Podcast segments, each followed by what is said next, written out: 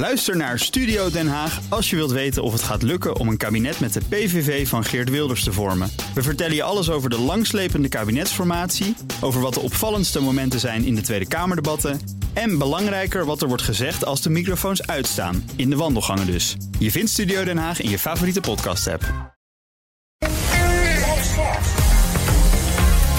BNR Nieuwsradio. BNR breekt. Ivan Verrips. Goedemorgen en welkom. Vanaf half twaalf praat ik over het nieuws van de dag. Over GroenLinks en de PvdA, die uh, beleggers die huizen kopen en daarna verhuren... helemaal van de woningmarkt willen weren. En forumscholen, die waarschijnlijk toch niet zo populair zijn... als de oprichters hadden gedacht. Want er is nog geen aanvraag gedaan voor overheidsfinanciering. Maar de deadline daarvoor is al wel verstreken. In mijn panel vandaag Tarim Bramjan, verslaggever van het Parool. Goedemorgen. Goedemorgen. Fijn dat je er bent. En Martine Doppen, klimaatactiviste en campaigner bij Reclame Fossielvrij. Goedemorgen. Goedemorgen. Goed dat je er bent. We gaan beginnen met... BNR breekt. Breekijzer. En het breekijzer heeft te maken met COP27. Ladies and gentlemen, it gives me great pleasure to declare open the 27th session of the Conference of the Parties to the United Nations Framework Convention on climate change. Ja, Alok Sharma was dat, de voorzitter van de vorige klimaattop in Glasgow. En uh, gisteren is het dus allemaal begonnen in Sharm el-Sheikh, VN Klimaattop. En 200 landen doen mee aan die top. En ook minister-president Mark Rutte is er. Uh, hij gaat het hebben over waterstof en een waarschuwingssysteem voor klimaatgerelateerde rampen. Maar misschien wel belangrijker, voor het eerst staat op de agenda of en hoe rijkere landen moeten compenseren voor de klimaatschade in armere landen. Over dit onderwerp is bij vorige edities wel gesproken, maar het stond toen niet op de agenda.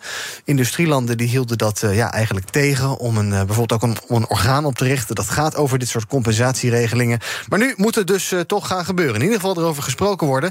En als het aan die armere landen ligt, ja, dan moet er ook geld over de brug komen. Ons breekijzer vandaag. We hebben geen optie. Vervuilende landen moeten armere landen compenseren voor klimaatschade. Wat vind jij? Ik wil graag met jou bespreken of het een goed idee is dat we gaan betalen voor de gevolgen van onze uitstoot elders op de wereld. En daarom dus ons breekijzer. We hebben geen optie. Vervuilende landen moeten armere landen compenseren voor klimaatschade. Pak je telefoon en bel naar 020 468 4 keer 0 Dus 020 468 4 keer 0 Je kan ook van je laten horen via Instagram. Daar heten we BNR Nieuwsradio. In de stories krijg je over een minuutje of 20 een tussenstand van me. Maar het leukste is even bellen 020 468 4 keer 0. Zometeen hoor je hoe mijn panelleden erover denken. Maar ik begin bij Pieter Pauw. Hij is senior onderzoeker klimaatfinanciering aan de TU Eindhoven. Goedemorgen. Goedemorgen. Ja, uh, vervuilende landen moeten armere landen compenseren voor klimaatschade. Wat vind jij? Ja, dat is een hele goede stelling. Ik ben blij dat dit uh, eindelijk uh, in de media komt, deze vraag. Hè? Of, of, of, dit onderwerp. Want dit, uh, ontwikkelingslanden hebben het hier al 30 jaar over. Met name kleine eilandstaten die bang zijn dat ze gewoon echt onder water gaan verdwijnen. Uh, dus mooi dat het nu eindelijk op het nieuws komt. Um, ja, het is, het is wel een hele moeilijke stelling. Um, er is eigenlijk in Parijs uh, al besloten in 2015 dat er niet gecompenseerd gaat worden. Dat hebben ze een harde eis van industrielanden. Die hebben dat heel slim gedaan. Dus het, het staat er eigenlijk al in. Dat we het wel over loss and damage kunnen hebben, maar niet over uh, compensatie en juridische aansprakelijkheid. Um, en daarmee is de kous niet af. Want ontwikkelingslanden willen natuurlijk gewoon uh, uh, geld zien voor alle ja. schade die ze ook inmiddels al ondervinden door klimaatverandering. Um, maar compensatie op zichzelf als juridische term is, is, is eigenlijk al min of meer uitgesloten. Oké, okay, dus we gaan er wel over praten, maar we gaan er geen geld aan uitgeven. Dat is een beetje het verhaal, toch? Nou, wel geld aan uitgeven, maar, maar dus niet zo dat een ontwikkelingsland wat getroffen wordt door een, uh, ik noem maar iets, een, uh, een, een storm, mm -hmm. dan kan zeggen: Oh, de schade was uh, 2 miljard. Hier, nou ja, dat is misschien wat veel. De schade is 100 miljoen. Ja. Hier is de rekening. Ja. Eh, dat, dat niet. En zou dat wat jou betreft wel moeten? Uh, nou, in, in, sommige gevallen, in sommige gevallen is, is daar absoluut wel voor te pleiten. Ja, want wij, wij zijn gewoon lui geweest in de westerse wereld. Wij hebben onze emissies niet naar beneden gebracht. Ja, dan moet je er op een gegeven moment ook de consequenties van gaan dragen. Ja. Oké, okay, we praten dus over verder. Ook hoe je dat van een vorm kan en of moet geven. Uh, eerst nog een rondje in mijn panel. Kijk hoe mijn panelleden erover denken. Tarim, wat vind jij? Vervuilende landen moeten armere landen compenseren voor klimaatschade. Nou ja, het gebeurt mondjesmaat al. Dus wat, wat mij betreft is het werkelijk mogelijk. Kijk, de juridische aansprakelijkheid, die zul je niet van de meer kunnen afdwingen. Maar het komt ook door het zwakke karakter van het internationaal recht. Dat geldt eigenlijk voor alle internationale afspraken die we maken. En je stuit al heel snel weer op het beginsel van soevereiniteit. Ja, een land kan gewoon zeggen, ja, wij houden hier ons niet aan en dan volgen er maar weinig eh, consequenties. Eh, maar bijvoorbeeld Denemarken heeft twee maanden geleden gezegd van nou, wij gaan 13 miljoen Amerikaanse dollars, 100 miljoen Deense kronen, opzij zetten om Noordwest-Afrika mee te compenseren. Wallonië, toch een vrij arme regio, heeft ook gezegd van nou, wij zetten, ik geloof, een miljoen opzij. Eh, dus je, je kunt als, eh, eh, als westerse staat echt wel die voortrekkersrol pakken en nemen. En ik vind het dan ook opvallend dat de EU daar nu dan wel over wil praten, maar bijvoorbeeld een jaar geleden nog hard zei van nee, dat gaan we niet doen. Nee. In de aanloop naar eh, COP26. Maar jij vindt het ook een goed idee. Dus. Ik vind het een goed idee. zeker. Martine, wat vind jij? Ik vind het een heel goed idee en het is hard nodig. Eh, er zijn ook al afspraken gemaakt in Denemarken, Ja. COP 15, 100 miljard per jaar. Komt er niet van, hè? Komt er niet van. Eh, dat vind ik heel kwalijk. Ehm, als je nu kijkt naar de gevolgen van de klimaatcrisis, zijn nu vele malen erger. Dus de schatting ligt nu tussen de 200 en 400, 4000 miljard per jaar. Wat er nodig gaat zijn in de toekomst. Alleen al de overstroming in Pakistan was 30 miljard. Ja. Daar is nog, nog geen fractie van opgehaald eh, via nou ja, crowdfunding en dat soort dingen. Ja.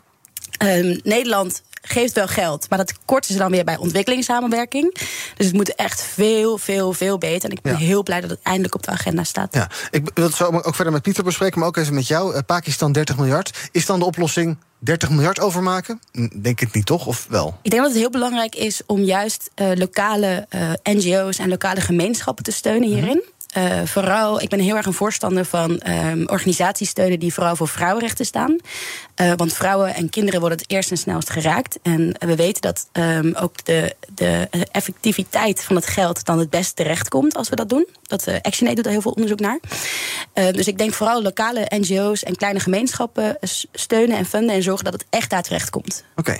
Ehm, trouwens, jij gaat zelf ook naar COP27, toch? Klopt. Wanneer ga je Ja, weg? ik ga woensdag weg. Oké, en wa- wat ga je er doen? Ik ga lobbyen voor een verbod op fossiele reclame.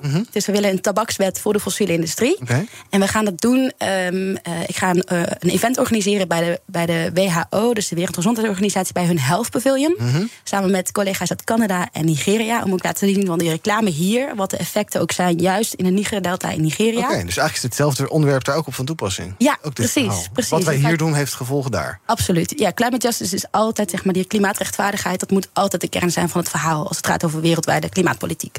Pieter, eh, dit onderwerp heeft dus nog nooit eerder op de agenda gestaan. Er is wel over gesproken, maar het, heeft, eh, het, ja, het, is nooit formeel een ding geweest. Eh, Martine zei het al, er is eerder een afspraak geweest... dat we 100 miljard per jaar zouden gaan uitgeven aan kwetsbare landen. Maar ja, dat bedrag is toen niet gehaald. Is dat onwil of onkunde? Of dachten we, we zeggen er niks over... en dan horen we er nooit meer wat van? Wat denk jij? Ja, dit, dit zijn even, even één stap terug, want dit zijn dus wel twee verschillende discussies. Hè. Loss and damage, of schade en verlies, dat gaat eigenlijk over, ehm, over iets anders. Dus we hebben die 100 miljard, dat, dat is geld wat is toegezegd aan ontwikkelingslanden om zich aan te passen aan klimaatverandering en om ook om het, om het tegen te gaan. Dus de eigen uit Oeh, verbindingje die damage, dat is eigenlijk iets, iets extra's. Oké, we gaan even bellen en dan eh, spreken we zo meteen verder met jou. Dat is misschien handiger, anders dan krijgen we alleen maar medeklinkers mee. Dat is niet zo ingewikkeld, dat is niet zo handig. Ehm dat ben ik wel benieuwd, Martine. Heb jij een idee hoe, hoe bepaal je... Nee, laten we eens kijken wat onze bellers ervan vinden. Vind ik ook wel interessant. 020 468 4 keer 0 We hebben geen optie. Vervuilende landen moeten armere landen compenseren voor klimaatschade. Want ik zie meerdere bellers hangen. Eens kijken wat zij ervan vinden. 020 468 4 keer 0 Meneer of mevrouw Wagendijk, goedemorgen. Uh, goedemorgen, Jort Wagenaar. Zeg maar. Ehm, ja, ik eh, ben het op zich mee met de stelling dat uh, wij als uh, rijke landen daarvoor moeten betalen. Mhm. Het is dan wel zo dat we naar de meest vervuilende landen een bericht moeten uitgaan van jullie vervuilen het meest, dus jullie gaan ook het meest compenseren. Dan laten we dan met z'n allen een fonds opzetten, dat daar betaald kan worden. En ook het management en de betaling eruit, dat, dat dat vanuit die kant geregeld wordt. Maar ik dat nu bij de landen zelf meer weg. Want dan kan je al gaan bedenken dat dat ontgaat aan corruptie en in in verkeerde zakken terechtkomt. Duidelijk, dank voor het bellen. Jan, goedemorgen. Ja, goedemorgen Iwan. Nou, ik ben het uh, ja, in zoverre niet eens met de stelling. Ik denk niet dat we zomaar moeten gaan uh, compenseren. Zeker niet in financiële zin. Mhm. Want uh, het probleem is toch ook wel dat heel veel landen die op dit moment arm zijn in de wereld, zijn vaak ook. Um, ja, slachtoffer eh, van een, een, een corrupt eh, regime. eh, of in ieder geval leiders die daar eh, het geld zelf in de zakken steken. Dus als je daar iets wil doen aan eh, nou, eh, compenseren van, van schade die dan al dan niet door westerse landen is aangericht. Ga daar ter plaatse kijken. En ga ervoor zorgen dat je ehm, ja, lokaal inderdaad iets gaat, eh, gaat oplossen. Maar ga er niet zomaar geld naartoe storten en kijken wat ermee gebeurt. Want dan gebeurt er niks. Duidelijk, dank voor het bellen. Pieter, goedemorgen. Goeiedag. Zeg het maar. Hey, ja. Ehm, ja, ik weet niet. eh, hoezo moeten wij nou weer gaan betalen voor mensen van kleur? Eh, is het niet beter om een soort van één-kind-politiek in Afrika te implementeren? Het gaat geloof ik niet per se, per se over mensen van kleur, hoor. Jawel want, het moet Oh. ieder- jawel, want het wordt iedere keer zo gespeeld. Van mensen van kleur moeten gefund worden door blanke mensen. Nee hoor, daar gaat het Blanke totaal niet over. Maar wel bedankt voor het bellen, Pieter. Rogier, goedemorgen.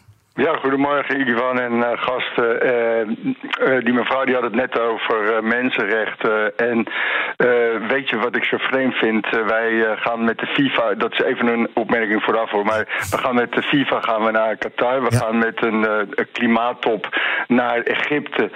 Dat is ook een dictatuur waar niks met, die, die niks met het klimaat doet. Eh, En we trakteren Rusland, oh, oh, oh, Rusland op eh, en raketten. Oké, maar nu Dat even- voor mij, Ja? maar het is natuurlijk wel heel wrang.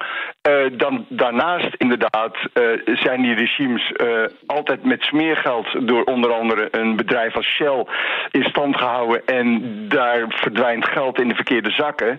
Dus laten we eerst eens even die zakken legen van de mensen die daar gigantisch verdiend hebben aan het, eh, eh, hoe heet dat, smerig beleid van bedrijven die het klimaat Ja. vervuilen. Voordat we daar belastinggeld aan gaan uitgeven. Dat zou ik zeggen. Dank voor het bellen, Rogier. BNR breekt. Ivan Verrips.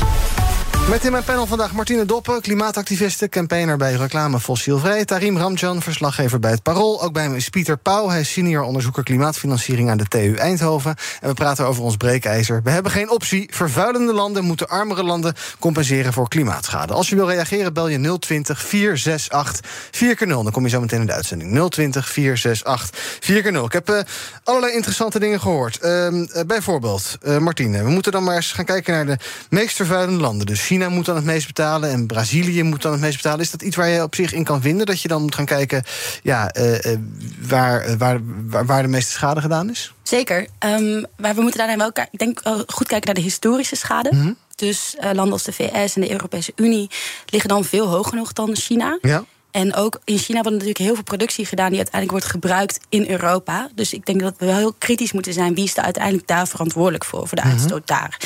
Want juist omdat de groei hier, omdat we hier blijven groeien en meer productie laten doen in China, is hun uitstoot groter. Dus Ja, daar we omdat, ook- wij, omdat wij die rotzooitjes willen hebben die we daar kopen. Precies. Ja, oké. Dus daar moeten we het ook even hebben. Oké, ehm, en waarom moet het eigenlijk? Dat was ook een vraag. Dat was eigenlijk wel een goede vraag. Waarom is, waarom is dat zo? Want ja, ja, wij zijn welvarend en wij hebben allerlei industrieën met de Tata Steel en eh, de Shells eh, die eh, de raffinaderijen hebben enzovoorts. Eh, ja, ik zou bijna zeggen, daar kunnen we ook niet zoveel aan doen. Nou, ja, het is lullig, maar Ja, als je historisch ook kijkt, zeg maar, wij zijn de landen die de grote vervuilers ehm, huisvesten. Mhm. Eh, Shell is een land wat al sinds de koloniale geschiedenis eh, terug in Indonesië, Nigeria, overal ter wereld enorme vervuilingen, enorme olielekken veroorzaakt. eh, die daar ehm, over de rug van andere mensen ontzettend veel geld verdient, waar niks terugstroomt naar de communities. En uiteindelijk onze economie daarin versterkt. En nog belastinggeld van de Nederlanders toe krijgt ook. En het feit dat wij zo in zo'n en- enorm kapitalistische economie terecht zijn gekomen, dat kon alleen maar omdat we heel veel hebben geroofd van landen in het globale zuiden. En zij, krijgen nu, zij zijn niet verantwoordelijk voor de vervuiling en voor de eh, CO2 die nu in de lucht zit. En dus voor de klimaatcrisis die nu gaande is. En ze worden wel het eerst en het snelst geraakt. ja. Dus daar zijn wij verantwoordelijk voor. En dan moeten we ons, eigenlijk onze verantwoordelijkheid nemen. En het minste wat we kunnen doen is die financiering. Maar het gaat ook over een ander economisch systeem waar we, waar we kritisch naar moeten gaan kijken. Ja. En waar, we, waar ook afspraken gemaakt moeten worden. Maar dit is absoluut het begin Ja. dat het geld er komt. Tarim, eh, hoe moeten we omgaan met... eh, ik zei net al, het heeft natuurlijk geen zin om 30 miljard... naar een overheid ergens over te maken en dan succes ermee. Eh, eh, althans, dat denk ik. Corruptie is ongetwijfeld een, een ding inderdaad. Hoe, ja, hoe kijk jij daarnaar? Ook het verhaal, eh, misschien moeten we eerst inderdaad... de bedrijven die daar de boel verkloot hebben... Nou ja, wat Martine net zegt, van, van het soort vooral op de rekening van lokale NGO's, van uh, grassroots organisaties die echt vanuit de bevolking zelf werken, waarvan je weet en ook kunt monitoren. Overigens, ik vind dat niet een uh, ongerechtvaardigd idee om, om echt te monitoren van waar gaat het geld heen als we dat inderdaad dan gaan overmaken. Maar als je kijkt van oké, okay, komt dat inderdaad terecht bij de mensen die het echt nodig hebben. Um, er zijn inderdaad regimes waarvan je denkt, nou ja, ik wil daar liever niet, uh, dat liever niet steunen, ook niet indirect. En dat is begrijpelijk. -hmm. ik wilde wel nog wat zeggen over, nou ja, goed, de beller op een gegeven moment die, die zich afvraagt waarom moeten wij nou geld geven aan mensen van kleur. Ja, ik zag voor, daar heftig op reageren. Voor een, nou, voor een deel een legitieme vraag en voor een deel het domste wat ik vandaag heb gehoord. Maar uh, de, waarom moeten we dat... Maar die twee uitersten moet je even toelichten. Nou ja, de legitieme vraag hierin is... nou, waarom moet, moet het geld naar die landen? En dat zijn inderdaad de landen die als eerste de gevolgen van klimaatverandering merken... op een heftige schaal. Uh, denk aan dus de overstromingen in Pakistan. Uh, wij zullen het ook gaan merken. En ik, ik noem maar de overstromingen in Limburg vorig jaar. maar het zal in de komende jaren erger worden. Wij merken er nu nog relatief weinig van, kun je zeggen. die landen die zijn al voorbij dat stadium. En er zijn echt landen die nou ja, bang zijn voor hun voortbestaan, zeg maar. Ja. Um, wij hebben tegelijkertijd lopen produceren, consumeren, lopen uitstoten, zoals Martine net goed aangaf. Um, om die reden is nu de vraag opgeworpen van, nou, moeten we dan niet kijken ook in plaats van alleen maar naar uh, het eigen land en de eigen regio, uh, naar gewoon de wereld als geheel. En waar moeten we dan onze verantwoordelijkheid innemen en voor wie? Um, het domste ja. deel, dat zit vooral op het kleuraspect. Want volgens mij heeft dat, uh, uh, hoeft dat hier niet per se zo om te gaan. Het gaat vooral om dat die landen daar nu als eerste slachtoffer van zijn. Ja. Uh, dus het gaat niet over blanke mensen die op en zwarte mensen moeten steunen omdat ze zwart zijn. Dat is een heel ander gesprek en een beetje een dooddoener. Het kan maar even duidelijk zijn. Pieter, uh, hoe bepaal je eigenlijk hoe groot de schade is die, die is ontstaan door, door een klimaatcrisis ergens? En hoe kan je dat dan toeschrijven aan, aan een bepaald land. En dan heb je misschien een bedrag en wie moet dan wat betalen. Het lijkt me praktisch heel veel uh, haak en oog hebben. Ja, dat is inderdaad extreem complex. Um, er zijn eigenlijk twee dingen. Dus het eerste is, kan je na een ramp zeggen van dit komt door klimaatverandering, ja of nee? En daar worden we gelukkig steeds beter in. Dus het heet dan attributie. Mm-hmm. Uh, en dan kun je met name met allerlei statistische methoden kun je uitwijzen dat een bepaalde klimaatextremiteit, dus een, een storm of een overstroming, dat die niet gebeurd zou kunnen zijn als er niet klimaatverandering was. Dus dat is het eerste. Dan weet je, het komt nu door klimaatverandering. Maar dat is wel bijvoorbeeld bij, bij zeespiegelstijging of bij een storm is dat veel makkelijker dan wat nu bij, in Pakistan is gebeurd. Dus die overstroming. En dan met name de schade van die overstroming. Dus er werd inderdaad gezegd 30 miljard. Zou ook nog meer kunnen worden of iets minder kunnen zijn. Um, maar daar is het heel moeilijk om vast te stellen van wat komt van die 30 miljard nou precies door klimaatverandering. Want het is enerzijds is die overstroming, hè, die heftige regenval, de droogte die ze daarvoor al hadden, dat komt door klimaatverandering, dat staat al vast. Um, maar de schade komt bijvoorbeeld ook, is ook voor een deel veroorzaakt door slecht bosbeheer van Pakistan. Hè. Dus het land was toen het onafhankelijk werd nog voor een derde ongeveer bebost. Dat is nu nog 4 procent. Um, ze bouwen op plekken waar ze echt niet moeten bouwen. worden zelfs steden aangelegd. Uh, dus, dus, dus daar heeft Pakistan ook ja, voor een deel schuld aan, aan ja, het slechte beheer en, de, en de, het effect wat, zo'n, wat die heftige regenval dan heeft op het land. Ja. Dus, dat is, dus dat is een hele moeilijke som. Dus je kunt, je kunt nooit zeggen van nou maak maar 30 miljard over. Want dat, dat, dat is, uh, ja, het is, het is in de realiteit gewoon minder. Ja, ja, ja Martine, hoe, hoe, ja, hoe, hoe werken we dat dan uit? Uh, ja. ja, goede vraag. Ik denk dat dat, dat zijn precies de gesprekken die waarschijnlijk gaan, gevoerd gaan worden uh, bij de kop in ja. Egypte. Uh, ik denk wel dat. Um, ja, wie is er van? In Nederland hebben we ook niet meer 40% bos. Wij hebben alles al volgebouwd. Wij hebben daar ook aan, aan geprofiteerd. Mm. En nu, uh, die ontwikkeling die wij hier hebben, mee, hebben doorgemaakt, die gaat nu meer plaatsvinden ook in het mondiale zuiden. Mm -hmm. Ja, hebben wij daar, hadden wij daar meer recht op dan zij nu, met Ja. de kennis van nu? Ik denk dat we vooral een verantwoordelijkheid hebben om daar gratis onze kennis te delen, maar ook vooral te luisteren van wat hebben jullie van ons nodig? Ja. Eh, En dat is op dit moment financiering. Want een land als Pakistan heeft ook waarschijnlijk heel veel productie ge- ge- gemaakt en gedraaid, waar wij vervolgens in, het- in Nederland weer superrijk van zijn geworden. Dus het is super complex. Ja. Maar ik denk vooral dat we niet. Dat we moeten vragen, wat hebben jullie nodig en hoe kunnen we jullie steunen? Want dit is echt, nou ja, dit is zo ontzettend hard nodig Ja. om Maar, ervoor te zorgen dat mensen... maar ook een onmogelijk ding dus. Want ja, wat, nou, laten we er maar geen 30 miljard als voorbeeld, voor- voorbeeld aan houden. Eh, wel, welk deel is Nederland daarvoor verantwoordelijk? En wie, ja, Precies, ja, het is super complex. Ja, en sowieso is VN-politiek hartstikke complex. En heel log. En eh, meestal kom ik, ik ben er een paar keer geweest... en meestal kom ik met een eh, hoofd helemaal vol terug... en denk ik, oh my god, wat gaan we nu doen? maar, weer actie voeren. Eigenlijk, eigenlijk altijd teleurgesteld, of niet? Ja, want Ja. er worden nooit de afspraken gemaakt die nodig zijn. En ik ben super blij dat dit op de agenda staat. Maar uiteindelijk wat eh, Afrikaanse landen, wat landen als Pakistan straks willen en wat ze eisen, dat gaat nooit de uitkomst zijn. Eh, dus ja, wat mij betreft moet er een nieuwe VN komen of zo. Maar daar hebben we ook geen tijd voor. Nee, dus, nee, ja, een- ik, ben, ik, ben heel, ik heb heel veel vertrouwen in de beweging, maar nog weinig in de VN-politiek. Ja, dat is misschien een stelling voor een andere keer. Ja. Moet er nieuwe VN komen. Eh, Pieter, eh, Duitsland denkt geloof ik aan een, soort, aan een soort verzekering... die kwetsbare landen zouden kunnen afsluiten of iets dergelijks. En Nederland zou daar enthousiast over zijn. Kan, kan je vertellen wat daar het idee van is en of dat een goed idee is? Ja, dus eerst nog als reactie op, ehm, op wat Martine zei. Ehm, ik denk ook dat het extreem complex is. Maar ik denk wel dat, dat alle beetjes helpen. Hè. Dus, dus, dus, dus er zijn veel initiatieven en er kan veel geld op tafel gebracht kunnen worden. En natuurlijk moet je ook opletten dat het niet naar een corrupte leider gaat. Maar er zijn ook wel allerlei manieren voor. Ehm, dus alle beetjes helpen. En in die zin heeft Duitsland inderdaad, dat heet dan het Global Shield idee op tafel gelegd. Dat is, hebben ze via de, via de G7 al lopen, lopen pushen. En daar gaat het er eigenlijk om dat je een soort verzekeringsmodel ontwikkelt. Waarbij een land van tevoren al weet.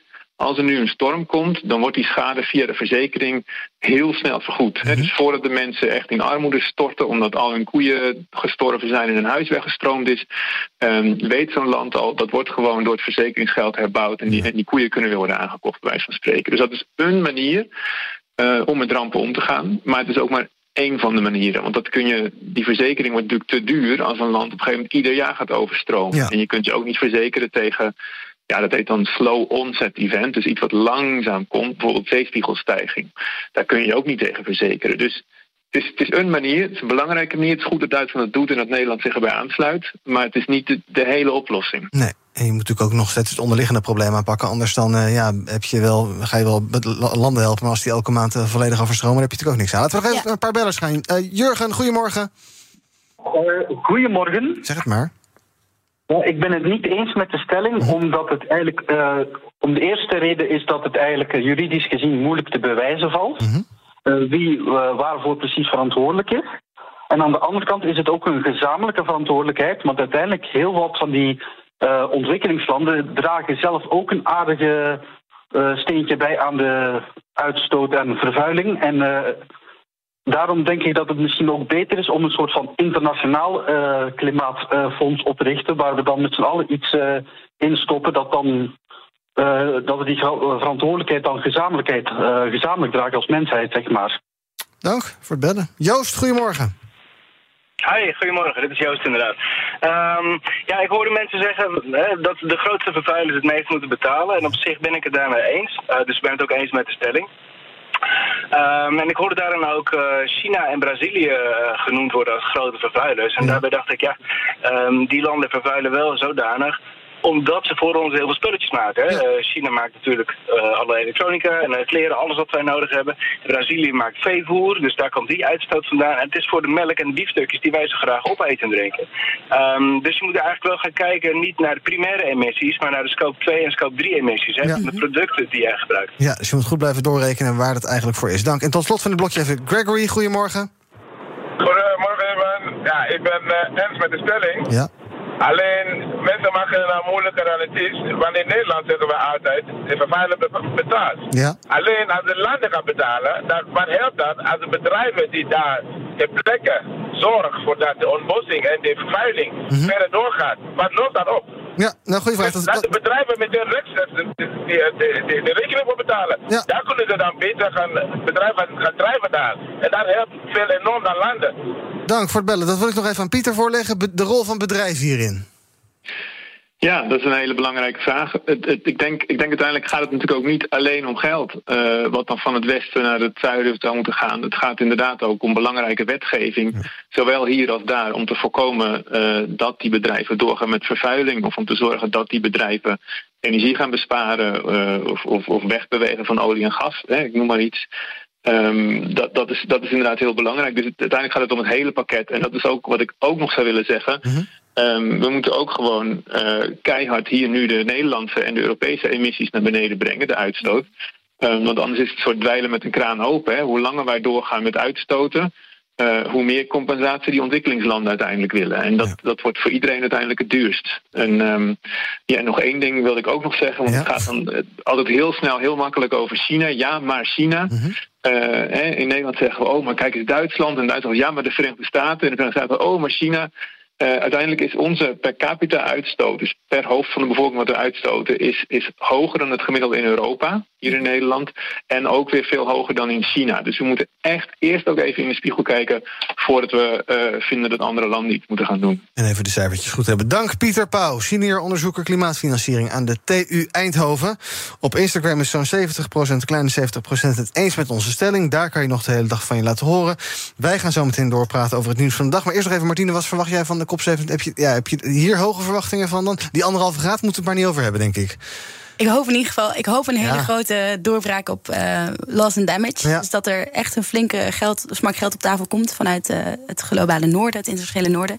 En ik hoop dat de, ehm, de health community daar goed voor vertegenwoordigd gaat zijn. Want klimaatcrisis is een health crisis. Mhm. Het is de grootste bedreiging voor de menselijke gezondheid in deze eeuw. En we hebben nog veel te weinig over gezondheid. En ik denk dat we daar heel veel mensen mee kunnen bereiken. En dat het heel terecht daarover moet gaan. Alright, we gaan het volgen vandaag en de komende dagen op eh, kop 27. Ik zag de eerste filmpjes van Mark Rutte op zijn Instagram-pagina al voorbij komen. Die is geloof ik een uurtje of twaalf geleden geland daar. Nou, ehm, zometeen gaan wij verder praten over het nieuws van de dag. Over renaissance scholen van FVD.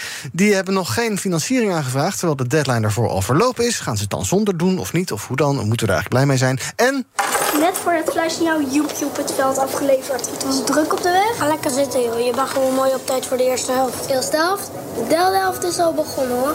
Biertje, toch? Nu al? Het is nog veel te vroeg. Ergens zitten vijf in groep, dus ik dacht klok, klok, klok. Ja, we gaan het hebben over een nieuwe campagne van de Alcoholalliantie. Zien drinken, doet drinken. Is dat betuttelend gedoe? Of moet het maar eens klaar zijn met drinken in het bijzijn van kinderen? Want je staat ook niet te roken bij een kinderwagen. Toch, nou, gaan we het zo meteen allemaal over hebben. In BNR. Tot Ook Liesbeth Staats vind je in de BNR-app. Ja, heel handig. Luister live naar Kees en mij tijdens de Daily Move. Dan blijf je ook gelijk op de hoogte van breaking news en het laatste zakelijke nieuws. En daar vind je ook alle BNR-podcasts, waaronder de Perestrooikast. Download nu de gratis BNR-app en blijf scherp.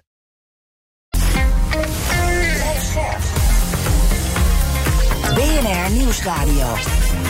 BNR breekt.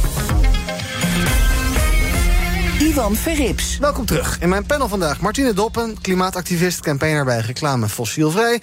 En Tarim Ramjan, verslaggever bij het Parool. En we gaan praten over het nieuws van de dag. GroenLinks en de PvdA komen met een opkoopverbod van koopwoningen voor beleggers. De twee partijen komen vandaag met een wetsvoorstel in de Kamer. En Jesse Klaver legt even uit wat ze precies willen. Wat wij zeggen is, je mag woningen, eh, de woning, geen woningen meer kopen... om die vervolgens door te verhuren. Want je voegt niks toe aan de woningmarkt... en je ontneemt starters de kans om een eigen woning te kopen. En ik vind het toch echt wel eerlijk dat we die mensen als eerste de kans geven. Ja, en daarom eh, dus niet meer die beleggers die de huizen opkopen... en daarna voor de hoofdprijs eh, verhuren. Dat willen zij niet meer. Ben wel benieuwd. Vind je het een goed idee, Tarim? Nou, ik denk dat je in elk geval kunt beginnen met een, een zelfwoonplicht. Hè? Of dat je kunt eh, eh, afvragen van moeten we niet iets invoeren waarbij je vereist dat de koper van een woning dat hij ook een bepaalde binding heeft met de plek waar hij dan die woning eh, heeft. Eh, ja, ik, ik, doe hier mijn werk hier in Amsterdam en hier is natuurlijk hebben we het probleem gehad dat er heel veel woningen werden opgekocht, eh, waardoor Amsterdammers gewoon met lege handen op de woningmarkt staan. En nou ja, mijn vrienden en ik ons ook afvragen: willen wij hier op een gegeven moment 5, 6 ton voor een etage gaan betalen? Nou ja, eh, spoiler alert, nee. Eh, dus ik, ik zie wel veel in een zelfwoonplicht. Eh, Zo'n algemeen verbod is een beetje het omdraaien van de zelfwoonplicht. Dat weet ik niet. Puur om de vraag. Ik vraag me af of dat op elke plek in Nederland op dezelfde manier werkt. Dat, dat, dat weet ik gewoon niet. En ook of iedere belegger een hufter is. Nou ja, hey, het, het kan natuurlijk ook gewoon dat je. ik ken ook vrienden wiens ouders een woning hebben gekocht. En dan vervolgens nou ja, hun kind erin laten. Maar dan vervolgens weer iemand via via. Eh, eh, via de familie, zeg maar, of weet ik veel wat.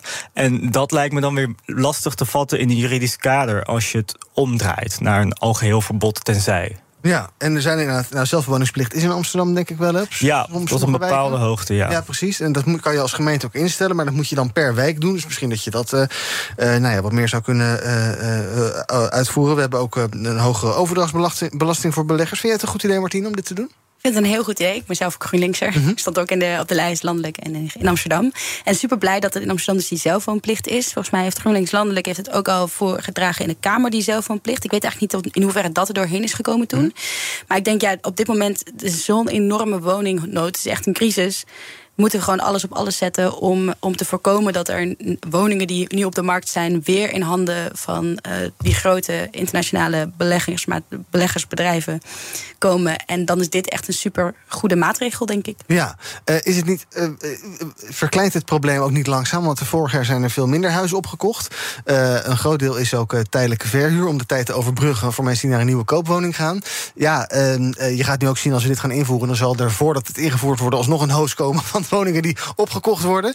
Ja, eh, het, is, het, is, het is een ingewikkeld. eh, moet je die beleggers gewoon helemaal weer gewoon helemaal niet doen? Ik ken ook inderdaad mensen die iemand die twee huizen heeft hier in Amsterdam, die verhuurt die voor een fatsoenlijk bedrag en onderhoudt die netjes. Ja, is dat zo, is dat zo slecht? Nou, jaren geleden konden we dat nog zeggen. Want toen was de woningcrisis nog niet zo groot. Maar we zijn zo ver hebben we het laten komen dat het gewoon. Dat zoveel mensen wonen op straat, wonen weer terug bij hun ouders omdat ze het moeten. Of eh, hebben een tijdelijk contract en zitten nu al te stressen dat ze straks hun huis uit moeten en dat ze niks nieuws kunnen vinden. Dus ja, als je, zo, als je het zo ver laat komen, net als met de klimaatcrisis, dan met de wooncrisis, dan moet je nu hardere maatregelen nemen. En ja, sorry voor al die beleggers en sorry voor de mensen Die het wel goed die bedoelen. wel een rijke, rijke ouders hebben die dat kunnen kopen. Ja. Ehm, dan moet je het op een andere manier met je kinderen eh, afspreken. Dat zij dat huis kunnen kopen met geld van jou. Dat, daar zijn ook regels voor. Dus Ja. ja. Ja, Tarim, wat is er overgebleven van bouwen, bouwen, bouwen? Ik kan me nog een eh, Raad van State-uitspraak herinneren. Eh, Ja, dat was dat- ooit nou de ja. oplossing voor eh, de woningcrisis? Nou ja, maar dat, niet meer. dat beantwoordt ook wel een beetje je vraag. Van ja, gaat het niet afnemen? Nou ja, nee. Want eh, er- moet bijgebouwd worden. Nou, dat gaat weer vertraagd worden. En hè, om de juiste redenen, denk ik. Daar niet van. Maar dat betekent dat die crisis niet kleiner gaat worden. Eh, en die hoos aan eh, mensen die dan nog heel snel gaan opkopen... voordat je zo'n maatregel invoert, ja, dat heb je altijd. Dus dat is niet de reden om het dan maar niet te doen. Ja. Precies. Dat je op de lange termijn meer aan overhoudt. Ja, Klaver zegt ook: zorgen voor betaalbare woningen is een taak van de overheid. Het is zelfs een dak boven je hoofd, het is zelfs een, eh, een mensenrecht. Precies. Eh, eh, dus dit is, in dat kader zou je dit prima kunnen doen, wat jullie betreft. Zeker, ja. Ja, nou begin met die zelfwoonplicht, zou ik zeggen. En die helemaal over het hele land uitrollen of zoiets. Ja, nou ja, kijk even wat dat doet. Ja. ja. Oké, interessant.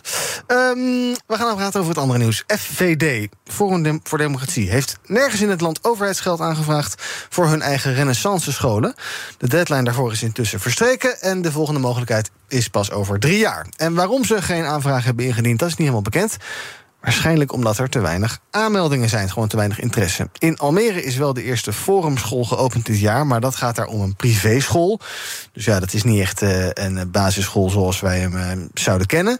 Ehm, zijn, ben, je, ben je verrast, Martine, dat er blijkbaar, ja, naar het lijkt, oogt, schijnt te weinig interesse is in FVD-scholen? Of is het een beetje een raar plan ook? Eh, ik vond het sowieso een echt bizar raar plan. Zou je een Maar- GroenLinks school willen? Nee. Oh, Nee, ik nou, vind dat nu heel resoluut. Nee, ik vind dat eh, politiek en school moet. Er moet eh, geleerd worden op, op school over politiek. Maar niet zo specifiek over een bepaalde partij. En ik, vind, ik ben ook erg tegen artikel 23. Mhm. o- Onderwijsvrijheid. We moeten dat gewoon juist vanuit de overheid veel meer reguleren. Zodat we weten wat kinderen leren op school. En dat dat juist alles is wat er in de samenleving gebeurt. Dus jou betreft gewoon één type basisschool, gewoon een basisschoolpunt. een basisschool, en daar- daarin kan je wel, zeg maar, heb je ook de vrijheid om bepaalde dingen wel zelf in te vullen. Maar er moeten wel hele duidelijke eisen zijn vanuit de overheid, wat de minimale zijn. En wat ook wat er, ja, dat je juist het hele politieke spectrum leert. En het hele eh, religieuze spectrum leert. En niet één specifiek ding. Ja. Oké, ehm, de onderwijsinspectie gaat eh, ehm, ehm, strenger kijken. En ook eh, minister Dennis Wiersma die wil ook juist voor die privéscholen strengere regels gaan invoeren. Eh, bijvoorbeeld eh vragen of leerlingen wel voldoende lesuren krijgen, wordt gecontroleerd. Of er genoeg vraag is überhaupt naar een school. Of het burgerschapsonderwijs op orde is. Ook bij scholen dus die privéscholen zijn. Belangrijk om dat in de gaten te houden. Dat ook op privéscholen, waar dus geen overheidsgeld bij, bij gemoeid is, dat daar goed wordt gekeken. Ik heb geen idee hoe dat gaat met die FVD-school in Almere. Of dat een succes is, of is dat een beetje een ding voor de bühne, denk je? Ja, ik denk dat het goed is. Net als eh, eh, hè, de plicht om eh, het te huisvesten is ook het van de overheid een plicht om voor goed onderwijs te verzorgen. Te zorgen. Eh, en ook al gaat het al om privéscholen, je wilt eh, binnen jouw grenzen eh, ervoor zorgen dat kinderen.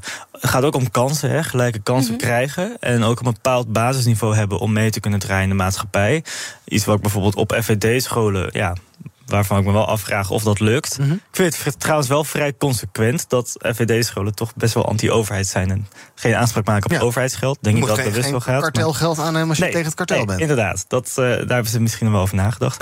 Eh, nee, dat het goed is om daar een bepaalde minimale standaard in eh, aan te houden. En kijk, zolang we de onderwijsvrijheid wel hebben, die wel wat complexer is dan alleen, goh, iedereen mag een basisschool oprichten. Maar het gaat natuurlijk over de oprichting, maar ook de inrichting van het onderwijs. eh, moet je daar die, die vrijheid wel respecteren, maar minimale eisen mag je zeker stellen. En die ook Ja. controleren en monitoren. Ja, wat ben jij qua artikel 23, hoe sta jij erin? Zeg je van dat moeten we gewoon helemaal vanaf en we moeten gewoon één type basisschool krijgen met misschien wat, nou ja, accenten, maar eh, geen gedoe met. eh, dus ook christelijke scholen en zo en islamitische scholen moet je allemaal niet willen, zeg jij, Martine? Klopt. Mee eens? Nou, ik heb daar, en dat is voor het eerst, geen uitzonder eh, enorme mening over. Dat voor het eh, ja, Nee, maar het is een enorm complexe zaak. Dus ik denk, nogmaals, je hebt, je hebt meerdere aspecten aan het artikel 23. En dat je voor elk aspect moet kijken. Hebben we het over de oprichting van zo'n school? Hebben we het over de inrichting van het onderwijs? Daar denk ik al heel anders over. Mhm. Oké. Eh, laten we tot slot nog heel even kort praten over een eh, voltijdsbonus voor leraren. Daar wil de minister Wiersma een eh, proef mee gaan opzetten. Zo hoopt hij het uh, lerarentekort op te lossen. Daar is al heel lang over gesproken.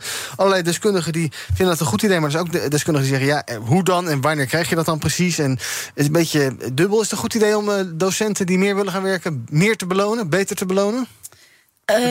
Goeie vraag. Ehm, Val ik ik- je er een beetje mee? ik- ja, val je mee? Ik heb daar ook nog niet altijd een mening over. Maar Oké. ik denk, ja, ik weet het niet. ik weet het niet. over? Ja, goed idee. Gewoon, gewoon doen. Gewoon proberen, kijken of het werkt. En dan inderdaad wel ervoor zorgen dat meer werken ook echt meer loont. En niet überhaupt werken meer loont. Want dat was ook in het Prinsjesdagakkoord op een gegeven moment een idee wat niet helemaal uit de verf kwam. Dus je moet, ja, richt het dan wel echt goed adequaat in. Ja, dus je moet wel iets overhouden in je euro dan. Dan loont het ook om te werken. Ja, dit moet wel een prikkel zijn, natuurlijk. Ja.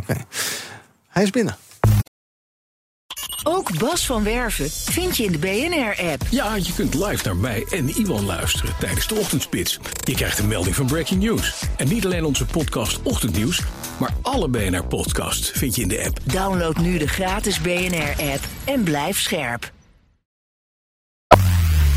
BNR breekt. Ga kijken naar wat jullie zelf is opgevallen in het nieuws. Ehm Martien, ik begin bij jou. Wil het hebben- jij wil het hebben over de actie van de klimaatactivisten... afgelopen weekend op Schiphol. Klopt. ik zag eh, op eh, beelden mensen onder vliegtuigen zitten... en de Koninklijke Commerce op fietsen achter demonstranten aan fietsen. Dat is Absoluut. een toch wel een heel Hollands beeld. Ja. Eh, vanochtend nog het nieuws, eh, tien minuten geleden... dat het aantal arrestanten bij de acties is eh, opgelopen richting de 300 althans. Mhm. De Kamer, de Marechaussee, zei eerder... ja, we dachten dat het er 200 zijn, maar we hebben even herteld. Het blijkt nu toch richting de 300 te gaan. Ja. Al die eh, arrestanten die zijn eh eh, heen gezonden... en het OM kan nog niet zeggen hoe die zaken worden afgedaan. Jij was erbij, geloof ik, maar niet onder een vliegtuig. Klopt, ja. Er waren, er waren twee protesten, een legaal en een illegaal protest. Volgens mij waren er zelfs ruim 500 mensen, dacht ik, bij het illegale protest. Maar die zijn ik niet allemaal aangehouden. Misschien sommige zijn Zijn we teruggehold door het hek Ja, en eh, precies. ontkomen, ja. En ik was bij het legale protest en daar waren volgens mij ook rond de 500 mensen. Eh, daar mocht ik spreken namens Reclame Vrij Mhm. over de misleiding van de, van de reclames eigenlijk, van de vliegreclames. En dat die uiteindelijk allemaal, dat mensen die die reclames zien uiteindelijk op Schiphol terechtkomen en daar voor eh, 24 euro, euro naar Barcelona vliegen. Mhm. Dat is natuurlijk niet de echte prijs. En eh, ook onze, onze rechtszaak tegen KLM. We hebben KLM voor de rechter gesleept vanwege hun misleidende reclame. En met name de fly responsibly reclame. Dus daarmee zeggen ze, vlieg met ons, want dan ben je super duurzaam bezig. Oh Absoluut niet waar. Dat kan helemaal niet. Eh, duurzaam vliegen bestaat niet. Ehm, maar ik sta vooral ook heel erg achter de, ehm, de, de actie, het illegale gedeelte van de actie. Dat eh, ze zichzelf hebben vastgeketend eh, bij de privéjets. Ja. En daarmee willen ze eigenlijk vooral laten zien dat vliegen super ongelijk is en super oneerlijk verdeeld is. 80% van de wereldbevolking vliegt nooit, heeft Mhm. nog nooit gevlogen. 1% van de mensen die zorgt voor 50% van alle vlieguitstoot. Dus het gaat er niet om dat je een keertje met je familie eh, van andere familie op gaat zoeken in bijvoorbeeld Suriname of, eh, Nieuw-Zeeland. Of een keer een verre, vakantie. Daar gaat het niet over. Het gaat over de mensen die super veel vliegen en daarmee heel erg veel uitstoten. En daar gewoon mee door blijven gaan. Ja. Dus die privéjets eh, bezetten, dat is echt een heel, juist een heel groot signaal naar die superrijken die heel erg veel voor die vlieguitstoot zorgen. Ja. Vind je dit ehm, eh, eh, sympathieker of beter dan eh potten verf over schilderijen en blikken soep gooien? Want dat, daarvan denk ik altijd een beetje, ja, wat hebben die schilderijen misdaan? Terwijl die vliegtuigen hebben iets misdaan. Dat, dat, dat klinkt iets logischer, toch? Ja, deze actie is veel gerichter Huh? op Schiphol. Ik denk dat is heel goed over nagedacht. Met, een, met Greenpeace, met Extinction Rebellion is maanden werk aan vooraf gegaan. Eh hele, hele gerichte actie, supergoed. Ik had soms ook mijn vraagtekens bij de, in eerste instantie bij die schilderijen, omdat het minder eh, gericht is. Ik dacht wel gelijk, die musea die nemen ook allemaal sponsorgeld aan van de fossiele industrie. Mhm. Zijn daarmee ook verantwoordelijk voor wat er hangt in het museum. Dus dan krijg je minder snel dat je ook een kritisch verhaal krijgt over de klimaatcrisis in de kunst. Eh, dus er zit wel een leiding, maar die, die liet het niet heel duidelijk zien. Maar uiteindelijk is er superveel is het in het nieuws geweest en hebben klimaatactivisten en andere mensen het over de klimaatcrisis gehad. Dus het effect was er wel. Ja, en dat wereld- is nu hetzelfde. De hele wereld schrijft erover. Precies. Zag ik inderdaad stukken in de Bloomberg en de New York Times en dergelijke. Absoluut. Rob Jetten, onze klimaatminister, die eh, waarschuwde die activisten om niet te extreem te worden. Want op die manier zou het draagvlak verdwijnen in de samenleving. Tarim, eh, dreigt, dreigt dit allemaal te extreem te worden? Of vind je eigenlijk misschien dat, dat vliegtuig plakken, nee, het is niet plakken, maar je snapt wat ik bedoel, daar Ja. gaan zitten eh, beter dan eh, andere acties? Of is het allemaal hetzelfde? Of is het allemaal waardeloos? Kan ook. Wat ik goed vond aan deze actie, en eigenlijk ook aan bijvoorbeeld het concertgebouw, is dat je eh, mensen confronteert die waarschijnlijk het laatst te maken zullen hebben met de gevolgen van de klimaatcrisis. Omdat ze het meest welvarend zijn. Dus de meeste middelen kunnen treffen om zich daartegen te behoeden of zich ervoor af te sluiten. Dat geldt zeker voor mensen die privéjets gebruiken, maar ook voor de mensen die naar het concertgebouw gaan en daar op hun vrije avond kunnen genieten van een, van een opvoering. En eigenlijk ook wel als je dat doortrekt naar mensen die een museum bezoeken. En ik vind het ook wel frappant dat daar dan zo heftig op wordt gereageerd. eh, in die laatste twee gevallen. Door diezelfde mensen. Ik, ik denk dat het confrontatie is. Eh, en het gaat er ook om van kijk. Ja, kijk hoe je al reageert als iets moois wordt verstoord. Nou ja, dat doen we natuurlijk met, met onze, eh, onze aarde de hele tijd. Ehm, dus nee, ik vind het eigenlijk ik vind het wel meevallen hoe extreem dit is. Want er wordt maar een hele kleine groep mensen getarget. Kijk, als je nou massaal een snelweg gaat blokkeren, vind ik het een ander verhaal. Maar goed, dat heeft een andere groep in onze samenleving gedaan. Hm, hm, hm, Oké. Ehm, ik, ik las een stuk in de. heel ehm, terzijde, maar ik, las een ingezonden stuk bij eh, iemand in trouw. Die schreef: Ik word een beetje gek van al het klimaatgedoe. Overal maar klimaat. Je wordt nu bij COP27 de hele tijd. Je wordt eh, doodgegooid met al die klimaatverhalen. Die werd er een beetje moedeloos van. Snap je dat? Ik ben ook moedeloos Ja. dat, er, dat er niks gebeurt. En ik begrijp dat je moedeloos wordt. En ik denk vooral ook juist het toelaten daarvan. En dat je, dat je ook boosheid toelaat, verdriet toelaat. Want we gaan echt ontzettend veel verliezen Mhm. door de klimaatcrisis. Maar ook onmachtig. Juist- Want wat kan je als individu nou doen? Je kan je, je, je kan je het feit dat je een burger bent gebruiken. Want jij bent onderdeel van de democratie. We zijn geen consumenten, we zijn burgers. Mhm. We kunnen opstaan, we kunnen stemmen, we kunnen inspreken bij de gemeenteraad. We kunnen meedoen met een actie. eh, we kunnen meedoen met een klimaatmars als dat voor jou makkelijker is. We kunnen eh, petities ondertekenen, brieven schrijven. We kunnen het hier vaker bij de radio Ja, over Je hebben. bent machtiger dan je denkt. Ja, maar we zijn ook door het kapitalistisch systeem continu als consument aangesproken. Mhm. En we moeten weer gaan voelen dat we een burger zijn.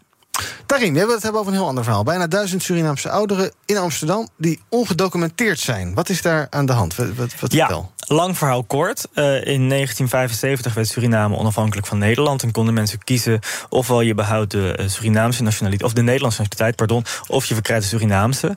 Eh, nou, er is een aantal mensen dat na die onafhankelijkheid is nagereisd naar Nederland. Eh, en dat zijn mensen die bijvoorbeeld hebben geleden onder het regime van Bouterse. Ging dus om de jaren 80 en 90. En die mensen zijn toen alsnog naar Nederland gekomen, maar kregen geen Nederlandse papieren. Ehm, nou, die hebben uiteindelijk ook hun Surinaamse papieren eh, verloren. eh, eh, om, om veelheid aan redenen. En die leven dus nu hier, maar zonder de mogelijkheid om aanspraak te maken op bijvoorbeeld uitkeringen of Ja. ik veel. Terwijl het om echt wel oudere mensen gaat. En mensen die tegelijkertijd ook gewoon een leven weer hebben geleid met familie, met, met werk, zo goed en kwaad als dat kon. Ehm, en eh, nou ja, nu wordt er eindelijk, heeft de wethouder eh, hier bekendgemaakt, Rutger Groot-Wassink, wordt er eindelijk gekeken, nou kunnen we die mensen niet een generaal pardon verlenen. Ehm, de advocaat van een aantal van deze mensen zegt, nou ja, er is al eh, eigenlijk een regeling voor Nederlanders die terugkeren naar Nederland na een tijdje in het buitenland te hebben gewoond. Maar het gaat dan bijvoorbeeld om mensen die in Canada of Australië hebben gewoond. Toen die regeling werd gemaakt, was ook eigenlijk niet de bedoeling dat mensen uit de voormalige koloniën daar aanspraak op zouden kunnen maken. Ehm, nou ja, daar kijken we nu gelukkig anders naar. Eh, en zeker voor deze groep kan dat ook eh, eh, ja, heel veel betekenen. Ja. Ehm, want op, op dit moment krijgen ze van de IND te horen: wij kunnen niks voor jullie doen. Terwijl er dus wel al regels ja, zijn waar, waar ze geholpen mee zouden kunnen worden. En die mensen hebben dus geen paspoort? Nee. Nee, en die zitten gewoon in uh, bejaardenhuizen of in huizen hier in Amsterdam. Ja, en, en in, in de Surinaamse cultuur praat je er ook niet heel makkelijk uh -huh. over. Het is best wel een onderwerp van schaamte. Uh, sowieso de hele migratiegeschiedenis ligt gewoon best wel complex ja. natuurlijk. dus dat is, dat, ja, dat, dat is best wel een grote impact. Ja. Heeft, heeft het op je leven. Ja. Zeker. En nou ja, als dat ook geld erdoor misloopt. En je, want dat is, die mensen krijgen dus gewoon niks. Nee, dus nee. die levens worden door familie omstandigheden. Ja. onderhouden als het kan. Ja. ja, je autonomie wordt afgenomen. Ja. Nou ja, het lijkt me toch niet uh, heel moeilijk om dat te regelen. Nee, maar goed, dus dit, dit is nu uitgevloeid ook in uh, navolging van uh, het nieuws dat het kabinet excuses gaat maken voor het slavernijverleden. dus dit is wel ja, mooi nieuws ook in toevoeging daarop. Ja, kun je mooi in de zijlijn daarvan meenemen. Ja, ook zeker. Regelen. Ja. Alright, ja. gaan we even kijken wat de trending is op de socials. Nou, natuurlijk gaat het veel over ja, Twitter. Elon Musk wil dat mensen gaan betalen voor het, uh, het blauwe vinkje. Al is dat plan wel over de midterms heen getild. En het gaat ook over de enorme ontslagronde van afgelopen vrijdag... die grotendeels wordt teruggedraaid omdat mensen per ongeluk waren ontslagen. Of toch wel van belang bleken voor het bedrijf. Ik hoop dat ze hun oprotpremie dan wel mogen houden. Ook veel over hashtag wetenschap veilig. Het platform waar wetenschappers vanaf vandaag terecht kunnen... wanneer ze met bedreigingen te maken krijgen. Lancering daarvan is vanmiddag. En College Tour is trending. Waar minister Christiane van der Wal, die over stikstof gaat... gisteren te gast was. Uh, dit moment waarin een boerenzoon vroeg wanneer ze zou opstappen... wordt veel besproken. U verkloot de hele agrarische sector zo. Wanneer uh, gaat u nou opstappen? Want u bent godverdomme voor de hele, alle boeren bent u het aan het verpesten. En u gaat een hele sector bent u Nederland uit aan het helpen. Ja, de reactie van Van der Wal wordt uh, online zowel bewonderd door haar rust... als afgekeurd door tegenstanders van haar beleid. Met een shirtje aan, trots op de boeren. Ik ben ook trots op de boeren. Echt waar, op iedere boer in Nederland. Um, maar dat neemt niet weg dat we wel een heel groot probleem hebben. Die boerenzoon nou slim was geweest, had hij gezegd... en wilt u dat shirtje ook aantrekken? Dan had je een fantastisch mediamoment gehad, maar dat gebeurde niet. Tot slot nog even kort hierover praten. Een bier, een bier, een glaasje bier, Ja, de Alcoholalliantie aan komt met een nieuwe campagne... namelijk zien drinken doet drinken. Zij roepen ouders op om niet in het bijzijn van kinderen te drinken... zodat alcoholgebruik niet genormaliseerd wordt onder drinken. Denk een beetje terug aan ja, roken. Dat doe je ook niet in, uh, op, uh, op een speelterrein of bij een kinderwagen... of bij mensen thuis met kinderen. Doe je misschien überhaupt niet, maar zeker niet bij kinderen. En dus zeggen zij, joh, met alcohol en kinderen... daar moeten we ook maar eens vanaf. Goed idee? Dat we niet uh, kinderen meenemen naar verjaardag... en dan ouders lekker pimpelen en de kinderen lekker spelen. Ja, ik denk een heel goed idee. Ik heb voor de krant de afgelopen weken veel onderzoek gedaan... Oh, naar hoe we met, uh, ook, ja. maar goed, dat is mijn privé-tijd. maar onderzoek gedaan naar hoe we omgaan met drugs in de hoofdstad... en hoe normaal het is geworden om drugs te gebruiken. Uh, en ik, ik ben me eigenlijk ook wel gaan afvragen... Van stel dat alcohol nu als iets nieuws zou worden geïntroduceerd in onze samenleving... zouden we dat dan wel willen? Gewoon ja. door de effecten die het heeft. Er zijn onderzoeken bekend waarin, waaruit naar voren komt dat alcohol... eigenlijk negatievere effecten op zowel gebruiker als omgeving heeft uh, dan bijvoorbeeld iets als MDMA. Mm -hmm. uh, niet om hier nu legalisatie van MDMA te bepleiten, of misschien ook wel, dat kunnen we een andere keer doen. Mm -hmm. Maar uh, wat ik wil zeggen is, alcohol, ja, het is meer dan zomaar gezellig even een biertje erbij doen. En als je het als kind al ziet, dan wordt dat normaal en ga je het natuurlijk associëren met gezelligheid. Ja. En ja, die, die koppeling in elk geval, die moet je losmaken. Ja, terwijl ik als kind mijn eerste biertje dronk en dacht, gaat verdamme, maar dat is daarna wel bijgedaan. Hoe oud was je toen? Ja, dat weet ik niet meer. Tien of zo. Acht. nee, ik 16 of zoiets, 15, ik weet niet precies. Martine, stel twee ouders, twee kinderen aan tafel, gewoon lekker thuis, avondeten. Uh, wijntje erbij, moeten we dat maar niet meer doen? Ik vind het een heel goed idee dat de overheid dat uh, Maar mijn wijntje! Mijn wijntje en mijn gehaktbal ja, ook al. gebeurt het uiteindelijk alsnog wel, maar het gaat meer om het denormaliseren ervan. En uiteindelijk krijg je dan weer een beweging dat je het dus minder ziet. Ja. En ik kom zelf uit de Achterhoek en er wordt nogal gedronken. En uh, ik heb echt heel vaak wel eens zo verjaardag... dat je dan kinderen gewoon een slokje nog nemen. Ik oh ja. dacht, lachen, lachen, ja. Ja, precies. Ja. Dus ik denk echt heel goed dat dit aangepakt wordt. Om dat maar iets minder te denormaliseren. Alright, dank voor jullie aanwezigheid vandaag. En succes in Egypte. Dankjewel. Martine Doppen, klimaatactiviste, campaigner bij reclame Fossielvrij... en Tarim Ramjan, verslaggever bij Het Parool. Morgen ben ik er weer. Tot die tijd volg je ons via de socials. Maar nog makkelijker is om gewoon je radio aan te laten staan. Want dan hoor je over een paar minuten al helemaal gratis en voor niets. Zaken doen met Thomas van Zel. 2,5 uur lang. Tot morgen. Ook Bas van Werven vind je in de BNR-app. Ja, je kunt live naar mij en Iwan luisteren tijdens de ochtendspits. Je krijgt een melding van Breaking News. En niet alleen onze podcast Ochtendnieuws, maar alle BNR-podcasts vind je in de app. Download nu de gratis BNR-app en blijf scherp.